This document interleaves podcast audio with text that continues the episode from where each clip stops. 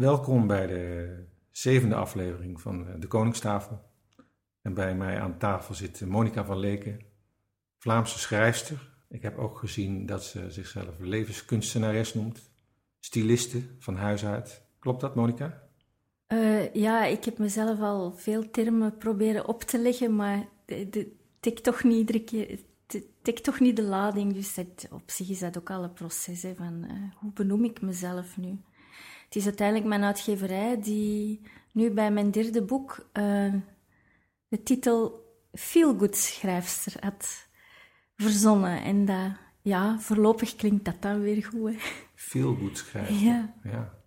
En uh, is dat omdat je anderen uh, goed laat voelen of is het omdat je jezelf er goed bij voelt? Ik denk dat het, dat het uh, in eerste instantie gebeurt vanuit een, een verlangen om, om mezelf een goed gevoel te geven. Ik neem het leven nogal serieus, moet ik zeggen. En um, met de jaren heb ik geleerd dat factor humor en lichtheid, dat dat iets heel belangrijk voor mij is. Dat, dat brengt mij in balans, zal ik maar zeggen. En, en ik merk, dat is ook het cadeau dat ik wil geven aan de buitenwereld. Dus op een gegeven moment ben ik uh, opleidingen gaan volgen en toen zei mijn leraar op een gegeven moment van... Uh, die maakte mij bewust van hoe kostbaar het is, uh, de woorden die je uitspreekt, de, de ideeën dat je doorgeeft aan je omgeving. Hè. Je gaat op reis. Welk verhaal vertel je als je terug thuis komt? Ga, ga, de, ga het hebben over het weer dat niet optimaal was en de bedden die op niks trokken? Of, of gaat, het, gaat het hebben over de dingen die u in verwondering hebben gebracht? En dat heb ik altijd goed onthouden van, ja, dat, dat is mijn cadeau dat ik wil doorgeven. Zo, liever toch dat. Dat wil niet zeggen dat ik alleen maar een, positief verhaal wil brengen, hè, want uh, nee, het is... Ik denk dat ik probeer mee te geven van, kijk mensen, we hebben allemaal problemen, we krijgen allemaal ons, ons portie uh, uh, onderweg.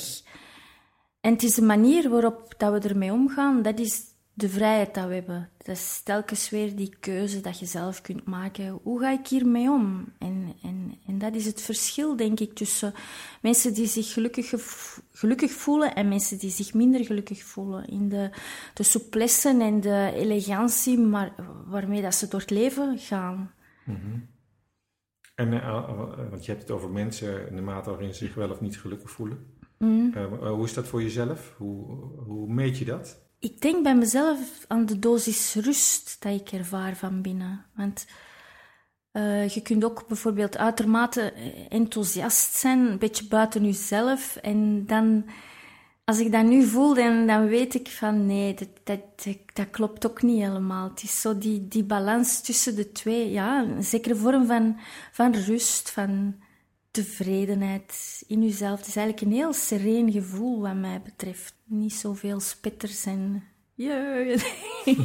zo, dat, komt, dat komt er soms ook wel bij. Nee, maar ja, zo zacht, zacht, mild gevoel. Ja, zacht, mild gevoel. Ja. En uh, ja, omdat je, uh, net als ik, mens bent, zal je niet uh, permanent in, in, die, in die sfeer verkeren. En als je dan onrustig en, en minder zacht voelt, wat is dan je eerste neiging om te doen? Vroeger was ik altijd aan het vechten. Ik ben, denk ik wel, als een rebel misschien geboren. Dat ik zelf soms niet wist waar tegen dat ik aan het vechten was. Waarschijnlijk tegen mezelf, zal ik maar zeggen.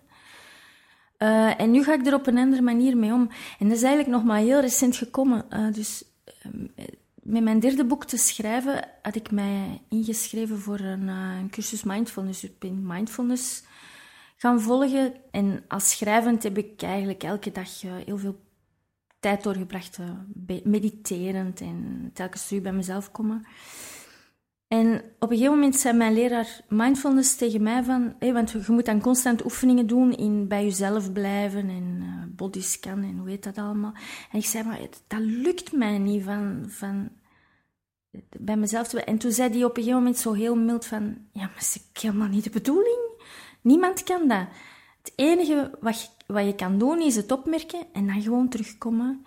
En dat was echt zo voor mij eh, de wonderzalf. Hè, van, ah, ik moet, ik moet helemaal niks kunnen, ik moet helemaal niks doen. Het is gewoon als je het opmerkt dat je niet meer in balans bent, gewoon terugkomen. Gewoon terugkomen, dat is toch fantastisch? Ja. Nu, nu noemde je uh, je derde boek, hè? je hebt er twee ja. geschreven. Je derde boek is net verschenen, ik wil het toch wel even genoemd hebben. In bed met Boeddha. Ja.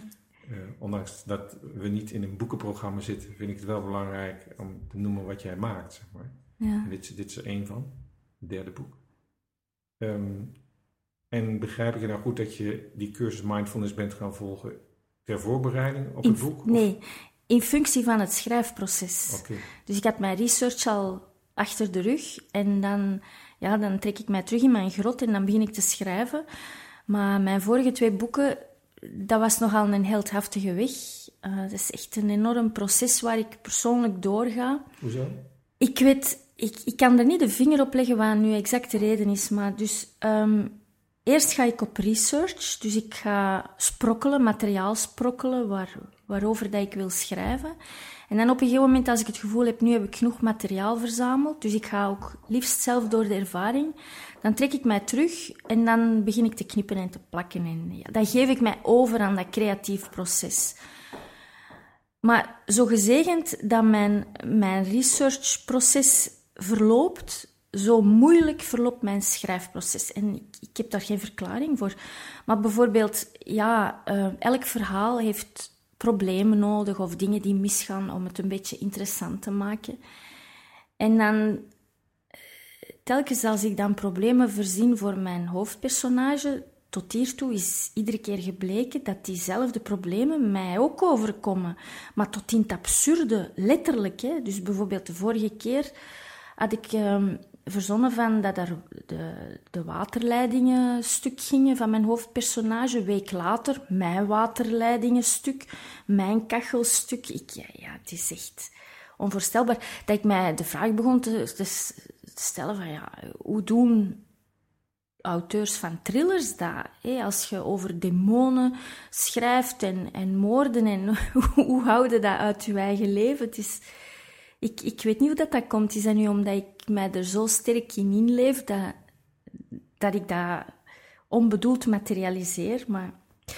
Dus, dus niet andersom. Je maakt er niet mee en schrijft erover, maar nee, je schrijft nee, erover en... Ja, ja, want ik zeg het... Eh, mijn eerste boek, Pelgrimstocht op Hoge Hak, ik ben dan eerst naar Compostela gewandeld, gestapt.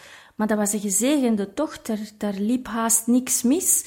Zelfs bij wijze van spreken, dat boven iedereen zijn hoofd regende, behalve boven dat van mij. Dat was waanzinnig. Maar ik krijg dus al die dingen die misgaan tijdens het schrijven. Het is alsof dat ik getest word. Uh, ja, of, of dat ik dat op een of andere manier nodig heb om in een soort overgave te komen. Dat ik niet meer vanuit mijn mentale denken creëer, maar vanuit een ander niveau. Uh, ik weet het niet hoor, ik ben maar luid op aan het, aan ja, ja, ja. nadenken. Ik, ik denk en luister met je mee.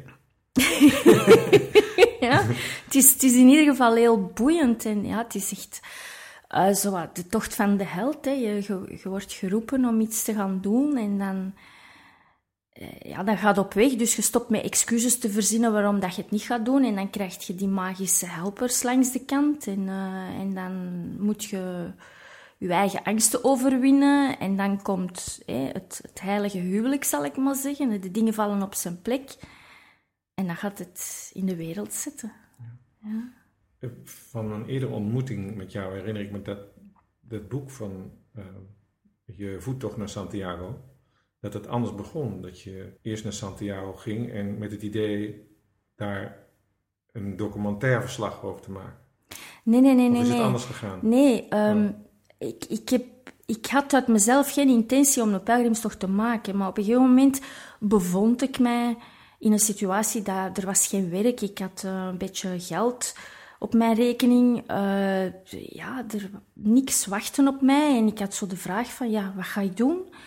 En toen kreeg ik ineens een, een ingeving voor die titel, Pelgrimstocht op Hoge Hakken. En dat was echt zo spontaan. Van, ik stond ook letterlijk op mijn hoge hakken op dat moment van... Hé, hey, dat is een titel voor een boek. En blijkbaar was dat zo krachtig, want ik krijg wel meer leuke ideeën. Maar blijkbaar was dat zo krachtig. Ja, twee weken later was ik onderweg naar Compostela. Bijna zonder daarover na te denken van... Hoe ga ik dat aanpakken? En die titel die, die, die trok mij gewoon verder. En achteraf heb ik daarbij stilgestaan van, wat was dat nu? Was dat nu de drang om dan een boek te schrijven? Of is dat de Camino zelf die mij geroepen heeft? Ik, ik weet het niet. En ik denk ook niet dat het belangrijk is dat ik, dat ik daar een antwoord op krijg. Het punt is, uh, ik heb gehoorzaamd aan een roep. En voilà, ik ben het proces doorgegaan. Maar het is wel zo, um, onderweg was ik er niet zozeer mee bezig van welk verhaal ga ik hier nu brengen. Dat, ik heb mij gewoon overgegeven aan die tocht. En toen kwam ik thuis en ik heb onderweg wel elke dag uh, een blog bijgehouden. En toen kwam ik thuis en, en dan heb ik ongeveer een jaar gewerkt aan een fictief verhaal. Want ik wilde niet mijn verhaal vertellen. Ik had zoiets van, niemand heeft er een boodschap aan en er zijn al zoveel serieuze werken. Dus toch weer die humor dat er op een of andere manier, die wilde ik erin brengen. En um, ik heb toen een, een, jaar dus aan een verhaal gewerkt en heb dat opgestuurd naar een uitgeverij. En de tweede, die reageerden al binnen drie dagen. Dus die zeiden, ja, vind dat interessant, kunnen we eens aan tafel gaan zitten. Maar toen bleek dat hij meer interesse had in mijn blog, dus in, mijn, in het echte verhaal, zal ik maar zeggen. Maar dat interesseerde mij niet, dus dat was wel grappig. Mijn omgeving van, allee Monika, zeg jij nu gek? Een uitgeverij wil dat uitgeven en jij zit er van, ja, maar nee, dat wil ik niet. En, oh, zo grappig. En, uh, ja, en toen zijn we toch tot een overeenkomst gekomen dat hij zei van, ja, oké, als je graag fictie wil brengen, dan oké, je krijgt je kans. Toen hij vroeg mijn uitgeverij van ja, maar wat is dan het fictief verhaal dat je wil brengen? En uiteindelijk had het dan toch wel... Hij, heeft mij toen maar twee dingen gezegd, mijn uitgever, van... Schrijf over wat dat je kent. En elk verhaal is eigenlijk te vergelijken met de tocht van de held. Dus iemand gaat op weg en komt problemen tegen. En die twee zinnen, die, die triggerden iets heel sterk in mij van ah ja, de weg die ik zelf ben gegaan. Niet de weg naar Compostela, maar de symbolische weg. Dus ik heb van mezelf een beetje een karikatuur gemaakt. De manier waarop dat ik vroeger de, de wereld uh, tegemoet trad, dat was vanuit een verlangen schoonheid te beleven. Uh, ik, schoonheid was voor mij eten en drinken. Dus ik benaderde de wereld van, van de buitenkant, zal ik maar zeggen. En, en door allerlei dingen die ik heb meegemaakt, heb ik, ja, dat is een tocht naar binnen, hè, ja, het, het innerlijke mooi ontdekken. En, en dat leek mij wel een mooie metafoor om dat een fashionista te laten doen. Hè. Wat is er moeilijker voor een fashionista dan de focus van de buitenkant uh, pakken en ja, dat de schoonheid van het hart moet leren. Ja, en dat, ja, een, een fashionista op hoge hakken op een weg naar Compostelle, dat was echt zo'n beeld dat tot mijn, ja, dat sprak tot mijn verbeelding en blijkbaar tot veel mensen hun verbeelding. Van, wat doet zo'n vrouw die alleen maar geeft om kleren en die, die moet dan met een rugzak van 6 kilo... Eh, dat is, dat is toch hel voor zo iemand? Ja, die kan dat eigenlijk helemaal niet, denken we toch? Je verwacht dat dan, hè? Een, een pelgrimstocht, je kunt daar op veel manieren naar kijken. Uh, veel mensen bekijken het puur als een, een sportieve prestatie. Het is, ik heb de Camino Frances gedaan, dus dat is 800 kilometer stappen. Oké, dat, is, ja, dat is een uitdaging. Maar eigenlijk gaat het er niet, daar gaat het niet om. Waar gaat het wel om dan? Om de sportieve instelling. Dus wat ik er straks ook zei, van het leven werpt u constante dingen voor de voeten en hoe gaat het daarmee om? En een pelgrimstocht is eigenlijk een mini-uitgave van hoe dat het leven in elkaar zit. In Elk... korte tijd, bedoel je? Ja. Elk, en elke dag is eigenlijk een pelgrimstocht. Hè? Uw buur komt kloppen van... Ja, zeg... Uh, kunt, je, kunt je wat stiller zijn? Ja, uw, uw interactie met andere mensen, dat, dat, dat zit vol met uitdagingen. En, en hoe gaat het ermee om? En dat heeft niks te maken met hoe dat je eruit ziet. Dus het is niet omdat je van uh, mooie kleren houdt, dat je niet sportief bent. En dat is iets waar dat ik puur uit mijn eigen verleden uh, kan uitputten. Ik, ik zat dus op een, op een katholieke school. En, maar ik ben altijd een creatieve vogel geweest. En op een of andere manier vond ik altijd dingen om mijn uniform te customizen. En dat was niet om moeilijk te doen. je, je droeg een, schooluniform. Ja, ja. Wat in Nederland niet zo heel gewoon is. Ah ja, ja. Oké, maar goed. Blauw-wit. En, en, maar die, die scheppingsdrang, die was zo groot in mij dat ik dat niet kon laten om te prutsen aan mijn kleren. Dus ik ging dan naar school met zo van die zelfgehaakte blauwe uh, debardurkjes en dan naaide ik er gele bloemetjes op. Ja, dan vloog ik weer naar huis, want dat geel, dat mocht dan toch... Ja, is maar echt zo grappig. Eh, mijn, de leerlingen in de klas, die, ja, die lachten met mij op een of andere manier, omdat ik er anders uitzag. Maar ik zag er niet anders uit omdat ik wou afsteken. Dat was gewoon mijn... Dat was sterker dan, dan mezelf, zal ik maar zeggen. Maar dus van kind af aan heb ik er altijd moeten tegen opboksen. Tegen wat? Eh, tegen het oordeel van de omgeving. Als je er anders uitziet, ja, dan, dan krijg je commentaar. En daar dan mee leren leven. Dus dan krijg je de keus, ofwel, als je geen commentaar niet meer wil, dan gaat je aanpassen aan de groep. Ofwel, gehoorzaamt je aan iets in jezelf dat blijkbaar voor u belangrijk is. Dus al heel vroeg heb ik dat geleerd van toch te kiezen voor mezelf. En, en, en dan soms de pijn ervan te dragen. Van oké, ik, ik hoor er niet bij, maar dat is, dat is ook alleen maar aan de buitenkant dat je er niet bij hoort, want eigenlijk hoort er wel bij. Heb je daar iets heel speciaals in meegemaakt, wat, wat je bijgebleven is? Um, ik weet nu niet of dat een, een, antwoord is op uw vraag, maar er schiet mij nu gewoon iets te binnen, dus ik ga het vertellen. Hè. Dus ik, in het opgroeien, ik heb nooit echt geweten wat ik wilde in mijn leven. Wat ik, eh, ik wist dat niet. En toch had ik op driejarige leeftijd een heel, een, hele een heel sterk signaal gekregen. En dat was, ik, ik zat op de kleuterschool en voor een feestje moesten we een hoofddeksel maken. En ik was een prinsessenkroon aan het tekenen. En een vriendin waar ik naar opkeek, uh, die was een, een clownsmuts aan het maken. En ik herinner mij nog, ik was drie jaar, hè, ik herinner mij nog dat ik er naar keek en dat ik zoiets had van maar Monica, waarom moet je nu weer de prinses uithangen? Dat woordje weer op drie jaar. Ja. Ik vond, dus blijkbaar kreeg ik op driejarige leeftijd al een signaal van binnenuit van dat humor net iets belangrijker voor mij was dan schoonheid. En toch is dat een levenslange strijd in mij geweest tussen de prinses en de nar, tussen humor en schoonheid. En dat ben ik in heel veel vormen tegen blijven komen in, in mijn leven. Ehm, dingen dat ik dacht dat ik wilde en dat dan toch mislukten. En ja, bijvoorbeeld dan in een relatie. Uh, ik wilde dan compliment krijgen dat hij mij mooi vond, maar nee, hij vond mij dan grappig. Uh, begrijpt je? En dan zit hij daar zo tegen te vechten. van, en alles te doen om maar dat, dat woord mooi te horen, maar je kreeg dan altijd... Nee, je bent grappig. En, en dan op een gegeven moment is dat gekeerd. Want op een gegeven moment zat ik in een depressie en kwamen ze aan mij vragen of ik opleiding in humor wilde geven. Ik wist niet wat ik hoorde. Ik dacht, wat voor een grap is dit? Echt, hè? Uit, uit wat voor uh, nesten komt het driejarige meisje? Ja, ik moet niet ver zoeken hoor. Ik, eh, ik weet waar dat, dat allemaal van komt. Mijn eerste woning, dus ik, ik, ik, ben een stadskind, ik kom uit Antwerpen en de woning waar dat ik ben opgegroeid, dat was op een dakappartement. Dus dat was een heel kleine woning.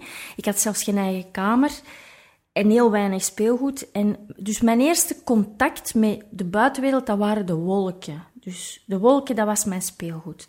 En zo is mijn, mijn denk ik, mijn verbeeldingskracht ontstaan, zal ik maar zeggen.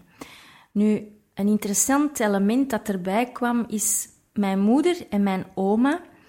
Die waren dienstboden bij een tante in mijn familie die vrij vermogend waren. Dus dat, dat was eigenlijk een scherp contrast in, in leefwereld. En als kind, ja, ik ging dan spelen bij mijn nichtje, want ik had een nichtje die uh, drie jaar ouder was dan ik. En voor mij was zij de echte prinses. Zij, zij leefde in het echte sprookje dat ik mij verbeelde. Dus, en ik vond dat altijd raar, dat, dat contrast tussen die twee werelden. En dan kwam ik thuis, ik herinner me, dan kwam ik thuis en dan ging ik op mijn bed zitten en ik verbeelde mij dat ik het leven leidde dat zij le leidde. En op een of andere manier werd ik daar op een gegeven moment zo goed in dat ik even gelukkig kon zijn of dat ik nu bij haar in, in haar kasteel terecht kwam en bij haar mocht gaan spelen, of dat ik alleen thuis op mijn bed zat met mijn verbeelding. Illusie, weet je net zo gelukkig van. Ja, ja. Dus ik heb dat al heel, heel vroeg geleerd, van ehm, mij over te geven aan die verbeeldingskracht en, en ondervonden dat dat even sterke impulsen geeft als de realiteit. Maar ja, dat gebeurt natuurlijk allemaal onbewust. Hè. En je, je noemt eh, je moeder en je oma mhm. en je vader. Waar was die eh, in... eh, Mijn vader, die. eh, Weet je, mijn moeder, die, die kon dat echt zo benoemen van. Wauw, hé, eh, zij, zij had ook een sterke aanhang voor, schoonheid en, en rijkdom. En, en zij keek er zo naar op met bewondering. En mijn vader, die was er eerder, die was er neutraler in. Hij liet zich niet, die ging er eigenlijk niet zo in mee, in dat, in dat verhaal van de mooie buitenkant. Eh, die, die had ook meer een, trots over zichzelf. Zo van, ik zal mijn eigen leven wel leiden en op mijn manier. En ik hoef niet zoveel van, van de rest. ehm. ja, en als kind denk ik dat je eh, stukken van, van je twee ouders in je meedraagt. En ja, dat is zo. dat is misschien ook de strijd in mezelf geweest heel mijn leven. Hè, van daar een evenwicht in te vinden.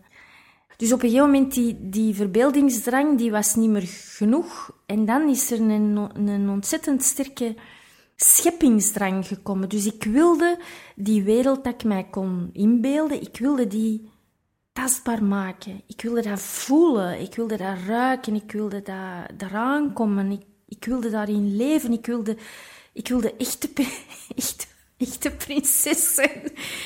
Maar, maar, maar ik wilde dat niet via geld en kopen, maar zelf maken. Dat is, en ja, ik kon dat niet, niet doen. Het is echt grappig om te zien hoor. Mij. en en eh, eh, op wat voor leeftijd eh, hebben we het nu over?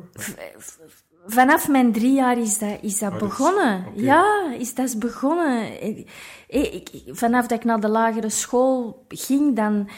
Het is begonnen met kleren, dus ik begon mijn eigen kleren te maken. Ik kreeg dan de kleren van mijn, van mijn rijke nichtje, zal ik maar zeggen. was ik apen trots op. Op school lachten ze er soms mee, maar ik had zoiets... Ja, ik was gewoon...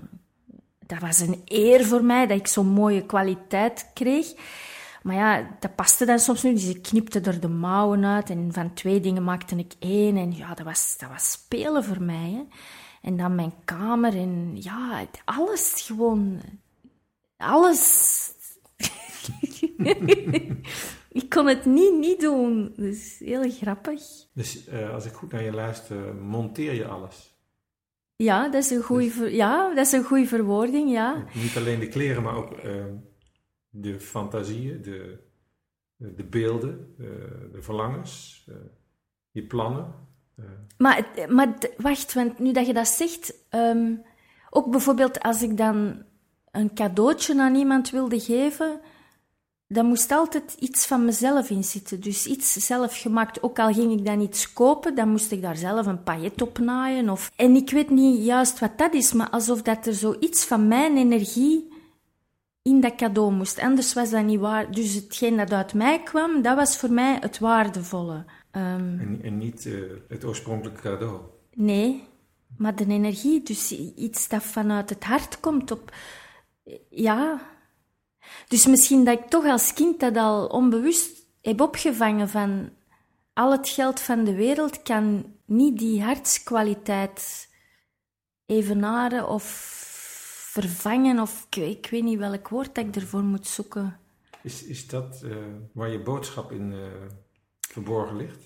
Ik Denk het wel, ja. Dat je iets aan de wereld wilt toevoegen dat... Maar ik weet niet of dat het toevoegen is hoor. Want dus vanaf het moment dat ik ben beginnen schrijven, heb ik de nar en de prinses zijn samengevallen hè, in mijn schrijven. Dat heb ik heel fel ervaren. Dat ik door de jaren heen een soort zelfspot heb ontwikkeld. Dus mijn ijdelheid moest eerst doorprikt worden. En dan die schoonheid en die humor, die, ja, die zijn getrouwd met elkaar. Voor mij blijft het gewoon de vreugde van het, van het creëren. Ik weet niet of dat ik echt een boodschap heb aan de wereld, of dat ik dat wil. het is misschien eerder zo mensen uitnodigen om gewoon hun eigen weg te gaan, vertrouwen te geven om hun eigen weg te gaan. Ja, zonder angst uh, om uitgelachen te worden of...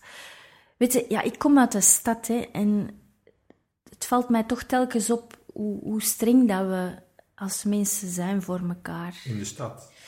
Ja, ik, ik weet niet of dat, dat klopt, maar ik, ik, ik denk inderdaad dat stadsmensen strenger zijn voor elkaar dan mensen die meer in de natuur leven. Omdat de natuur heeft op mij zo'n verzachtend effect. Daar heb ik veel meer het gevoel van, ik mag hier zijn wie dat ik ben. De bomen gaan mij niet uitlachen. Maar ik heb dat wel heel lang in, in, in de stad ervaren. Van, ja, iedereen zit zo naar elkaar te kijken. En ook tv. Al, we worden zo precies opgevoed om kritisch te zijn. En op een of andere manier is dat wel een goede kwaliteitsbewaking. Maar langs de andere kant, waar is de mildheid in godsnaam? Hè? Zo. En dat is denk ik de, waarom dat ik veel goed schrijf. Zo van, even hier en nu is het goed. Zo. Ik, ik ben ook een mens die aan mezelf blijft werken en, en, ik, en ik, groei is ook voor mij iets belangrijk. Maar zo oh, even neerkomen in het nu-moment, man, is zo kostbaar. Dus veel goed, dat, dat haalt je even uit die strengheid. Ja, juist. Dat, de ja. gedachte. Ja, ja. Dat is toch wel een soort boodschap? Of, uh... Ja, uh, ja, maar vooral aan mezelf. Hè.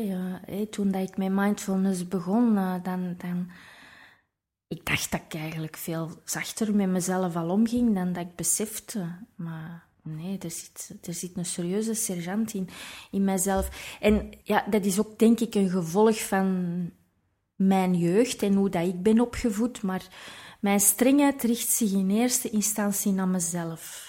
Ja, ieder, ieder heeft andere lessen te leren, hè, maar dat is mijn reflex. Die gaat altijd naar binnen. De, de vinger is altijd eerst naar mezelf gericht.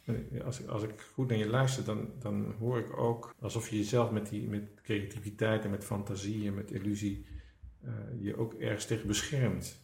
Oh, ehm. tegen, tegen iets wat pijnlijk is. Daar heb ik even geen antwoord op. Uh. Um, ik had even de, de, het beeld van een kind dat gepest werd. Zeg maar doordat ze er anders uitzag. Ja, ja, weet je, pesten is een, een te streng woord, want op een of andere manier ben ik er altijd wel in geslaagd geworden van aanvaard te worden. Alsof dat ik altijd op een natuurlijke manier respect afdwong door mijn manier van zijn. Maar ik kan dat nu zeggen als volwassene, hè, want als kind besefte ik dat niet. Uh, maar ik ben nooit echt op een, op een harde manier uitgelachen geworden. Dat is nooit gebeurd. Wel een beetje op een lacherige manier zo. Hé, maar nooit echt hard, om, omdat ze... Ik denk dat mensen dat altijd toch op een of andere manier een kracht voelden in mij. Toch een soort, en een soort bewondering. Je moet er toch maar moed voor hebben om, om je eigen weg te volgen. Want de de druk van de groep is, is groot. Het is niet te onderschatten. En dan iemand die, die daar toch naast durft te lopen, ja, je moet dat toch maar durven, hè. Ja, dat is wat mij ook opviel bij het lezen van je boek. Dit, uh, we hebben het nog niet over haar gehad. Ja, we hebben het wel over haar gehad, maar ze heeft nog geen naam uh, tot nu toe in ons gesprek. Fanny heet ze. Ja. Hemelrijk. Ja. dat is, uh, ja, zeg maar, je alter ego. Ja, voor een stuk wel, ja. Ja, voor een stuk, tenminste zo, zo zie ik dat. Ja, voor mij is het een beetje een Winnie de Pooh. Uh, en, het keerpunt in mijn leven is, ik was zo rond de 33, dan heb ik mijn wake-up call gehad. En is er op korte tijd uh, heel, heel veel gebeurd. Vertel eens, want dat intrigeert mij. Ja, uh, ik, was, ik had een vaste relatie, 15 jaar, uh, met dezelfde man. Ik had een vaste job. Ik werkte voor een Nederlands schoenbedrijf ja, dat was, dat was allemaal heel goed. We hadden een huis gekocht, we, we wouden kinderen. Dus ik zat zo op een punt in mijn leven dat ik dacht, ja, ik heb het hier mooi voor mekaar. En dan op een gegeven moment, op hele korte tijd, ben ik, denk ik, alles alle zekerheden kwijtgespeeld dat ik dacht dat ja, garanties waren in mijn leven. Mijn, mijn partner, het, was een complexe situatie hoor, dus ik ga dat nu misschien, dus, ik denk dat dat niet belangrijk is dat ik de details vertel. Maar op een gegeven moment is hij ziek geworden, uh, heeft hij kanker gekregen, is hij ook gestorven. Mijn beste kameraad is gestorven op een, in heel vreemde omstandigheden, terwijl ik op iemand wachten was. En, en ik heb dat ook gevoeld, heel gek. Um, mijn nicht dan, de, de echte prinses in mijn verbeelding, is gestorven. Uh, wat dat mij, ik, ik was daar kapot van. Ik kon dat niet lijmen. Zij, zij leidden het, het leven dat ik dacht dat perfect was en dan ineens was die er niet meer. Dus ik was niet meer in staat om, om te functioneren zoals ik het kende. Ik heb dan mijn job opgezegd. Uh, binnen de kortste keren was mijn geld op. Ik, uh, al mijn oude vrienden, ik wilde daar niks meer mee te maken hebben. Ja, ik, ik ben in een enorm rouwproces terechtgevallen. Ik was boos op de hele wereld, uh, boos op de zon. Mijn ouders weggeduwd. In een enorm isolement terechtgekomen, depressie. Het laatste dat wegviel, dat was mijn woning. Door omstandigheden. En dan ben ik zelfs een jaar eigenlijk dakloos geweest, bij wijze van spreken. Het is nu niet dat ik onder de brug heb moeten slapen, maar ik, ik heb dus een jaar geen adres gehad. En, uh, en dan op een gegeven moment, dan is er een boekje. Iemand heeft mij een boekje cadeau gegeven. En dat was uh, de Tao van Poe. Uh, het verhaal van Taoïsme, uitgelegd aan de hand van de, van de verhalen van Winnie de Pooh. En ik, wat dat met mij gedaan heeft, dat is wonderbaarlijk. Alsof dat in dat ene gebaar, dat ik op een of andere manier verliefd ben geworden. Maar verliefd is niet het juiste woord, hè, maar dat ik mijn eigen puurheid, mijn eigen onschuld in mezelf ben gaan zien. En dat is dan een weg geworden van mezelf graag te leren gaan zien in, in die onschuld, in die puurheid. Hè? Want poe, uh, ik weet niet of dat ik het nu juist zeg, maar als ik het mij goed herinner, poe eh, wil zeggen ongekerfd blok. blok. En, uh, blok? Om, ongekerfd blok. Hè? Dus Winnie de Poe is, is een beertje met maar weinig verstand, hè? Klein, weinig hersenen. Maar toch slaagt hij er iedere keer in van als een held uit, uit zijn belevenissen te komen. Waarom? Omdat hij zo'n sterk intuïtief vermogen heeft. En in elke situatie weet hem instinctmatig van, hé, nu, nu kunnen we dat doen. En wat dat mij ook heel veel inspireert in die verhalen is de manier waarop dat die dieren met elkaar omgaan. Ze zijn allemaal verschillend, maar ze hebben allemaal hun talent. En ze veroordelen elkaar niet. En het punt waarop dat ik stond toen dat, dat boekje in mijn leven kwam, ja, ik zat eigenlijk in een soort vriendenkring waar dat er toch wel een beetje geoordeeld werd over elkaar. En ik had dat niet echt door, maar ik, ik, ik, ik voelde dat wel. Waardoor dat ik zo minderwaardigheidscomplexen toch wel had van... ik had dat niet verder gestudeerd en ik had zoiets... Ik was wel gelukkig in die winkel, maar ik voelde ook wel dat ik meer capaciteiten in mij had dan dat ik tot dan, tot, dan toe ontplooid had. En ik had zoiets van, ja, mijn leven is om zeep en het is te laat en ja, die relatie, die was ook niet perfect eigenlijk. En dus het was allemaal niet zo, niet zo mooi als dat ik het graag wilde. En dan die Winnie de Pooh en dat Taoïsme. Uiteindelijk, het Taoïsme gaat over de kunst van het onderweg zijn, het leren genieten. En ons westerse maatschappij zit eigenlijk toch wel een beetje anders in elkaar. Hè? Hier worden wij vanaf het moment dat we naar school gaan getraind in wat is uw doel en doelgericht, daar gaan we naartoe en heel daadkrachtig en dat is goed. Hè? Maar ik, ik vind dat, dat die Oosterse manier van denken, dat, dat brengt ons een beetje in, in balans. Dat, dat zorgt voor zachtheid, wat ik heel veel nodig had dan blijkbaar. En dat bracht mij in contact met die, met die kern waar dat ik denk ik van, van was afgedwaald. Wat ik heel sterk in was als ik jonger was, maar wat ik dan geleidelijk aan in die relatie en in dat gaan werken, wat ik op een of andere manier was kwijtgespeeld.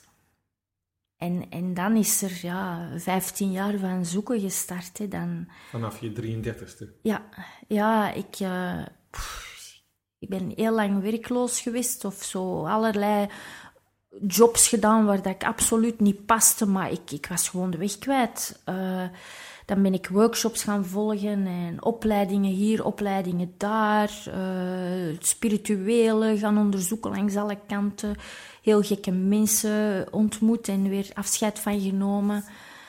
Uh, ja, ook wel overlevingsdrang.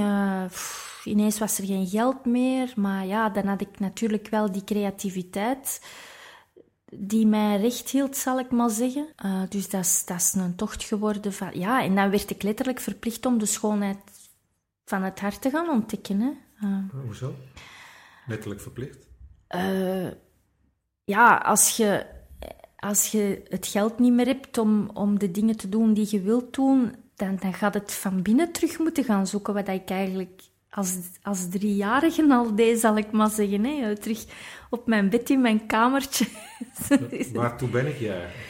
Ja, ja, maar ook op een andere manier naar de wereld leren kijken, toch wel terug. Want 15 jaar zat ik toch een beetje in dat modeparcours. En, en je weet dat, een mens zit toch wel gemakkelijk met blinde vlekken. Hè. Ja, je, ook al wilt je het niet, je, gaat, je, je laat je toch wel meegaan met een, met een bepaalde stroom. En dan heb je zo even zoiets nodig dat je wakker schudt van... Hé, hey, je bent zo bezig, zijn er nog wel akkoord? En ja, bij mij was dat echt ineens een hele heftige... Nee! zo. Je was niet akkoord? Ik was niet akkoord, maar de valkuil is, is dat je je gaat afzetten tegen je verleden. En dat mocht ook niet doen. Van wie niet? Um, alles, alles wat ervoor is geweest, alles wat ik, wat ik heb meegemaakt, heeft ertoe geleid dat ik nu ben wie dat ik ben. En ik denk toch wel dat dat, dat belangrijk is dat je je wortels eert, zal ik maar zeggen. Uh, je moet er niet mee akkoord zijn, maar toch wel eren. En als een deel van jezelf, dat, ja, dat is ook zoiets. Hè. Uh, de eenheid, de, eenheid is, is, is toch wel iets dat je niet uit het oog mocht verliezen. De eenheid. De eenheid. Um, naar de dingen blijven kijken als, als een eenheid. Als een, als een heel wezen. Ja, maar dus ook de, de, de schaduwkant hoort erbij. Allee, daar, daar heb ik het proces met mijn partner. Uh, dat was dan het cadeau erin eigenlijk. Uh, die, die heeft kanker gekregen. Wat is een, een kankercel die, die beslist op een gegeven moment van ik doe niet meer mee met geheel. Maar wat ze niet beseft, is dat ze haar eigen doodvonnis tekent. Dus dat, dat is toch wel best wel een heftige confrontatie. En als je zo hè, je begint spiritueel te ontwikkelen, ja, er zitten toch wel heel wat valkuilen in die weg. Hè. Op een gegeven moment kreeg ik dan verkondigingsdrang, want dan, ja, je, je, begint dan niet alleen je eigen fouten te zien, maar ook de zogenaamde fouten in je omgeving. En je denkt dan even dat je het beter weet, of, of je krijgt dan zo... Uh, je wilt dan gaan helpen, dat is nog zo'n ziekte. Mhm. dus ik, ik heb het, ik heb het, uh, het geluk gehad van, van een goede een goede mentor gevonden te hebben die, die daar heel scherp, een, scherpe helderheid kon neerzetten. Um, om dat toch wel te blijven zien. Ja, dat is echt koordansen dat je doet. Hè. Ja. En het iedere keer terug bij jezelf, bij jezelf terug te, terug te nemen. Even, bijvoorbeeld, allez, zo een van die valkuilen eh, met spiritualiteit, eh, overvloed. Ja, en en dan gaan we workshops vol, volgen om in de overvloed te komen. Maar, maar, er is gewoon overvloed. Het is alleen de, de overvloed die er is rondom u, is, is, die bestaat uit datgene waar dat jij uit gevuld bent. Dus als jij vol bent met negatieve gedachten, dan is de overvloed rond u problemen en negatieve gedachten zouden kunnen zeggen, bij wijze van spreken. Hè.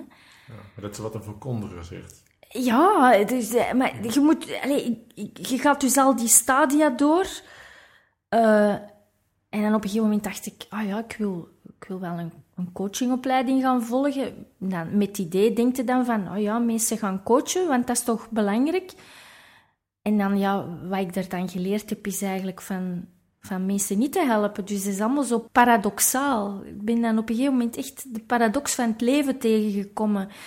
En dan, ja, uiteindelijk kom je dan in de stilte terecht, van, ja... en dan kom ik terug bij Winnie de Pooh uit. Het woe-wij, zoals ze dat zo mooi kunnen zeggen. Uh, het doen zonder te doen.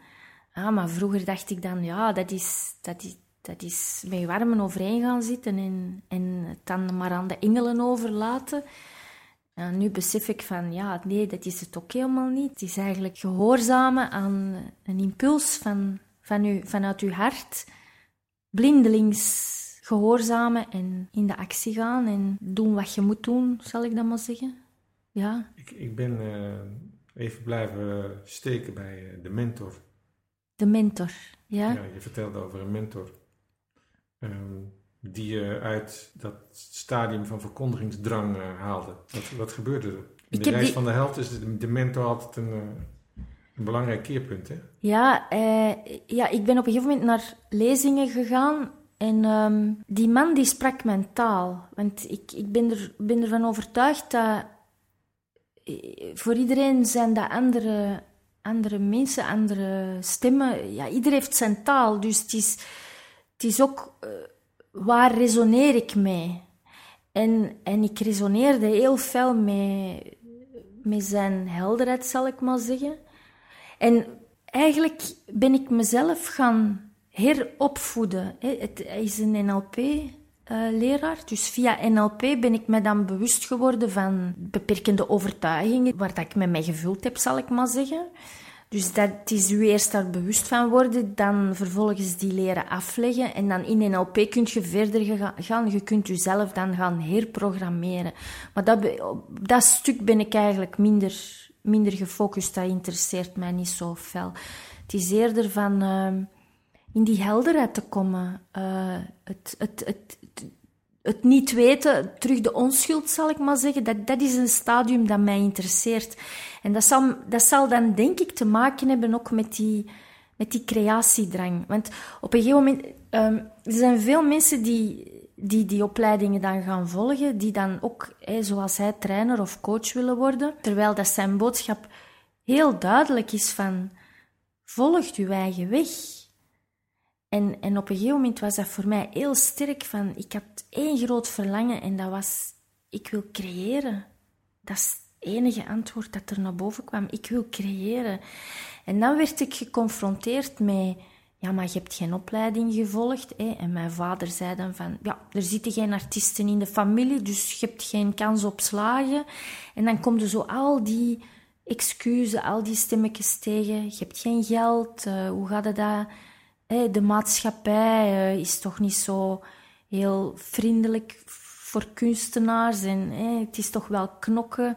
En jij die dan van schoonheid houdt, uh, hebt het dat er allemaal wel voor over. Maar blijkbaar is dat zo sterk dat je dat, je dat toch doet. En, en, maar ik heb al veel gecreëerd in mijn leven, hè, via kleren en, en ja, van alles en nog wat. Maar nu, dat verschil dat ik ervaar met dat schrijven, is dat ik blijkbaar, dat spreekt zoveel elementen in mij aan, dat dat mij blijkbaar over drempels doet gaan en een discipline meegeeft dat ik ervoor niet had in andere dingen. In het schrijven merk je dat? Met het schrijven, ja. Hè, want ik, ik, veel mensen hebben mij altijd gezegd, oh ja, modeontwerpster moeten worden, of hey, theaterkostuum. Uh, uh, ja, ik heb nog meer talenten uh, dat ik denk, ja, dat, dat ik kunnen ontwikkelen. Maar met dat schrijven kom ik een soort discipline tegen waarvan dat ik niet wist dat ik ze had. En ik denk dat dat te maken heeft met het feit dat er vele elementen getriggerd worden. Dus veel stukken in mij mogen meespelen in functie van dat schrijven. En het is wel grappig om te weten, vroeger heeft ooit iemand eens tegen mij gezegd van... Ik hoop dat jij nooit succes gaat hebben, want ik denk dat jij dan naast je schoenen gaat lopen. En Oh, ik vond dat verschrikkelijk van te horen. Dus ik heb altijd heel veel mijn best gedaan om nederig te blijven en weten, want ik vind dat zo niet mooi. en nu ontdek ik, um, als je echt in, volle overgave door zo'n creatieproces ga, ja, dat is gelijk eigenlijk een geboorte. Ik heb zelf geen kinderen, maar ik kan me heel goed voorstellen, dat is een geboorteproces. En ik kan mij niet inbeelden hoe dat je daar vanuit een ego kunt in... Dat gaat mijn petje te boven. Dus een kunstenaar met een ego, ik kan mij dat niet inbeelden, want dat proces, dat maakt u gewoon nederig als je er in volle over, overgave doorgaat. Allee, dat is mijn ervaring, hè. Dus ik hoef daar niet bang voor te zijn. Speelt dat een rol in je leven, dat je geen kinderen hebt? Ja, waarschijnlijk wel. Um, um, omdat uw ziel, uw ziel zoekt dan andere wegen om toch die, die, die zorgende eigenschappen een plek te geven. Ik heb daar lang tegen gevochten, hè, want ik, ik wilde niet de, de, de zorgende... Ik denk dat er lang een, stuk oordeel heeft opgezeten. En dat is misschien een restantje van mijn familiale omstandigheden dan, dat ik niet de dienaar wilde zijn, weet je wel? Op een of andere manier. De dienaar van je kinderen? Ja, bijvoorbeeld, ja. Um, terwijl dat ik toch wel een groot zorgend stuk heb in mij, maar, maar dat was toch een zoektocht van op welke manier voel ik mij er prettig bij. En ik denk, wat dat ik nu doe, dat...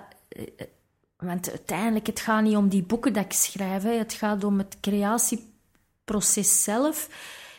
Uh, en, en ja, dat leidt dan maar zijn eigen leven. En daar het vertrouwen in hebben dat dat dat dat wel iets, iets doet in de, in de wereld. Ik denk dat, dat, daar een soort zorgend stuk van mij in, in ligt. Een soort dienstbaarheid toch ook wel, denk ik, uh, in, in de transparantie dat ik dan geef. Ook zo gelijk nu, dit gesprek, uh, um, het, het werk achter de schermen, zal ik maar zeggen. Hè. Het is ook weer zo de, de façade, achter de façade helpen, helpen kijken. Uh, ik, vind dat, ik vind dat kostbaar. Misschien is dat nog is dat veel interessanter dan, dan de façade zelf. Ja, ik, op een of andere manier wil ik daar mensen in tegemoet komen. Waarin precies? Uh, in, in helpen de illusie te doorprikken. Dus ik zal, als ik het nog doe, sorry dan, maar het is zeker niet mijn bedoeling om welke illusie dan ook te helpen in stand te houden. Dat is helemaal niet mijn intentie. Nee, aan dat spel wil ik.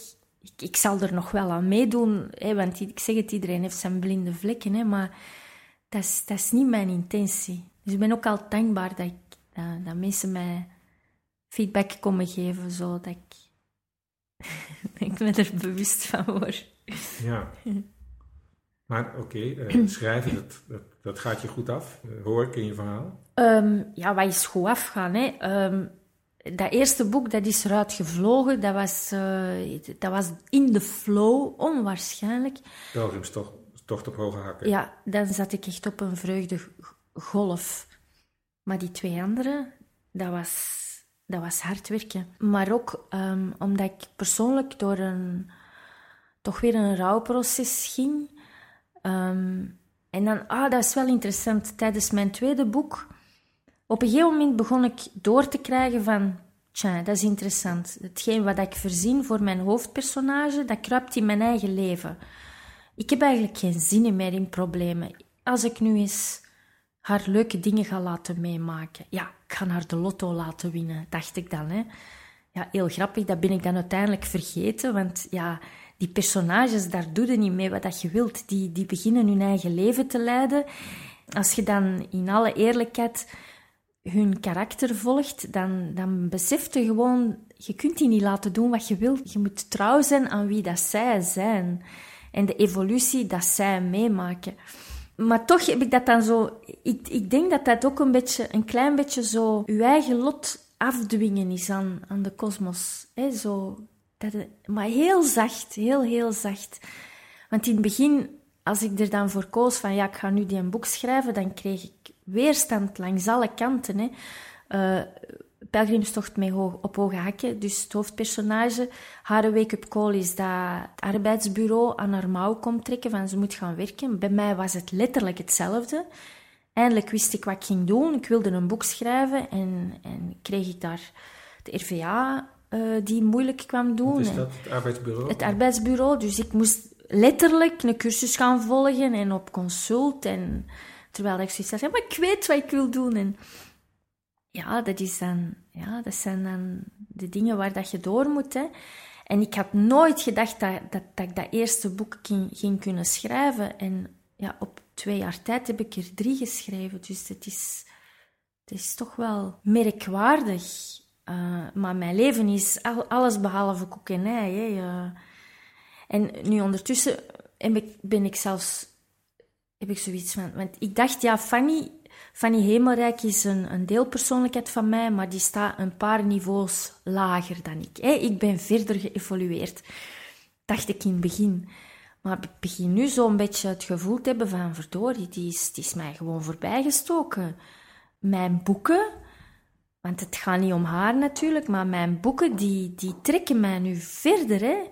Uh, in functie van het schrijven ga ik gooi ik mij nu in de wereld en doe ik dingen dat ik anders niet zou durven of wat mij anders niet zou boeien. Dat vind ik wel heel frappant, moet ik zeggen. Ik herinner mij van uh, onze eerste ontmoeting dat je zei: Mijn, mijn droom is om met mijn boeken mijn avonturen te kunnen financieren. Dus dat ik met mijn boeken voldoende geld verdien om de, het volgende avontuur te kunnen aangaan, om daar dan weer over te schrijven. Ja, ik, ja, het kan zijn dat ik dat inderdaad zo gezegd heb. Um, geld verdienen, dat heeft mij eigenlijk nooit geboeid. Maar wat ik nu wel merk is, ik wil gewoon graag de gelegenheid blijven kunnen creëren om te doen wat dat mij blij maakt. En wat maakt mij blij? Dat is het leven leven, uh, mij overgeven aan avonturen en daar iets creatief mee doen. Dat vind ik gewoon ongelooflijk leuk. Ik heb in mijn jeugd, ik, ik ben eigenlijk vrij eenzaam groot geworden. Dus ik, ik, ik heb altijd veel op mijn kamer gezeten. Ik ben nooit bij vriendjes gaan spelen of zo. Er kwam ook vrij zelden bezoek. Dus ik heb een vrij eenzame jeugd gehad. En, en dat is zo precies of mijn ziel, die wil nu zich uitleven en de wereld verkennen en gewoon gekke dingen doen. En, maar zo, ja, gewoon leven, weten. Uh, en, en, en dan dat creatief proces, dat, dat geeft het dan zin op een of andere manier. Maar wel, en dat, dat kan ik niet verklaren, er is wel zo'n drang van, dat moet de wereld in. Zo, het is niet voor in mijn, in mijn schuif te leggen. Nee, dat, dat moet gedeeld worden op een of andere manier. Maar ik heb daar wel de middelen voor nodig. En op dit moment is dat, ik geef dat toe, dat is een beetje mijn ingeoude adem van oké, okay, hoe, hoe, lang, hoe lang kan ik het nog? Maar iedere keer gebeuren er dan toch weer wonderlijke dingen. Uh, maar ik ben, ben benieuwd. Je bent naar Santiago gewandeld. Je hebt meegedaan aan een reality show op de Belgische tv. Ja. Uh, je bent naar Ladakh gegaan in Himalaya. Ja. Meditatiereis. Uh, ja. Wat, wat is het volgende avontuur? En wel, uh, um, vanaf het moment dat er een verhaal klaar is, dan zet ik gewoon de deuren open en dan, dan ga ik kijken wat er op mijn weg komt, wat zich aandient. Hè? En meestal het eerste wat mij inspireert, wat mij creatief inspireert, dat is voor mij een signaal. En dan ga ik kijken de synchroniciteiten die erop volgen. Hè?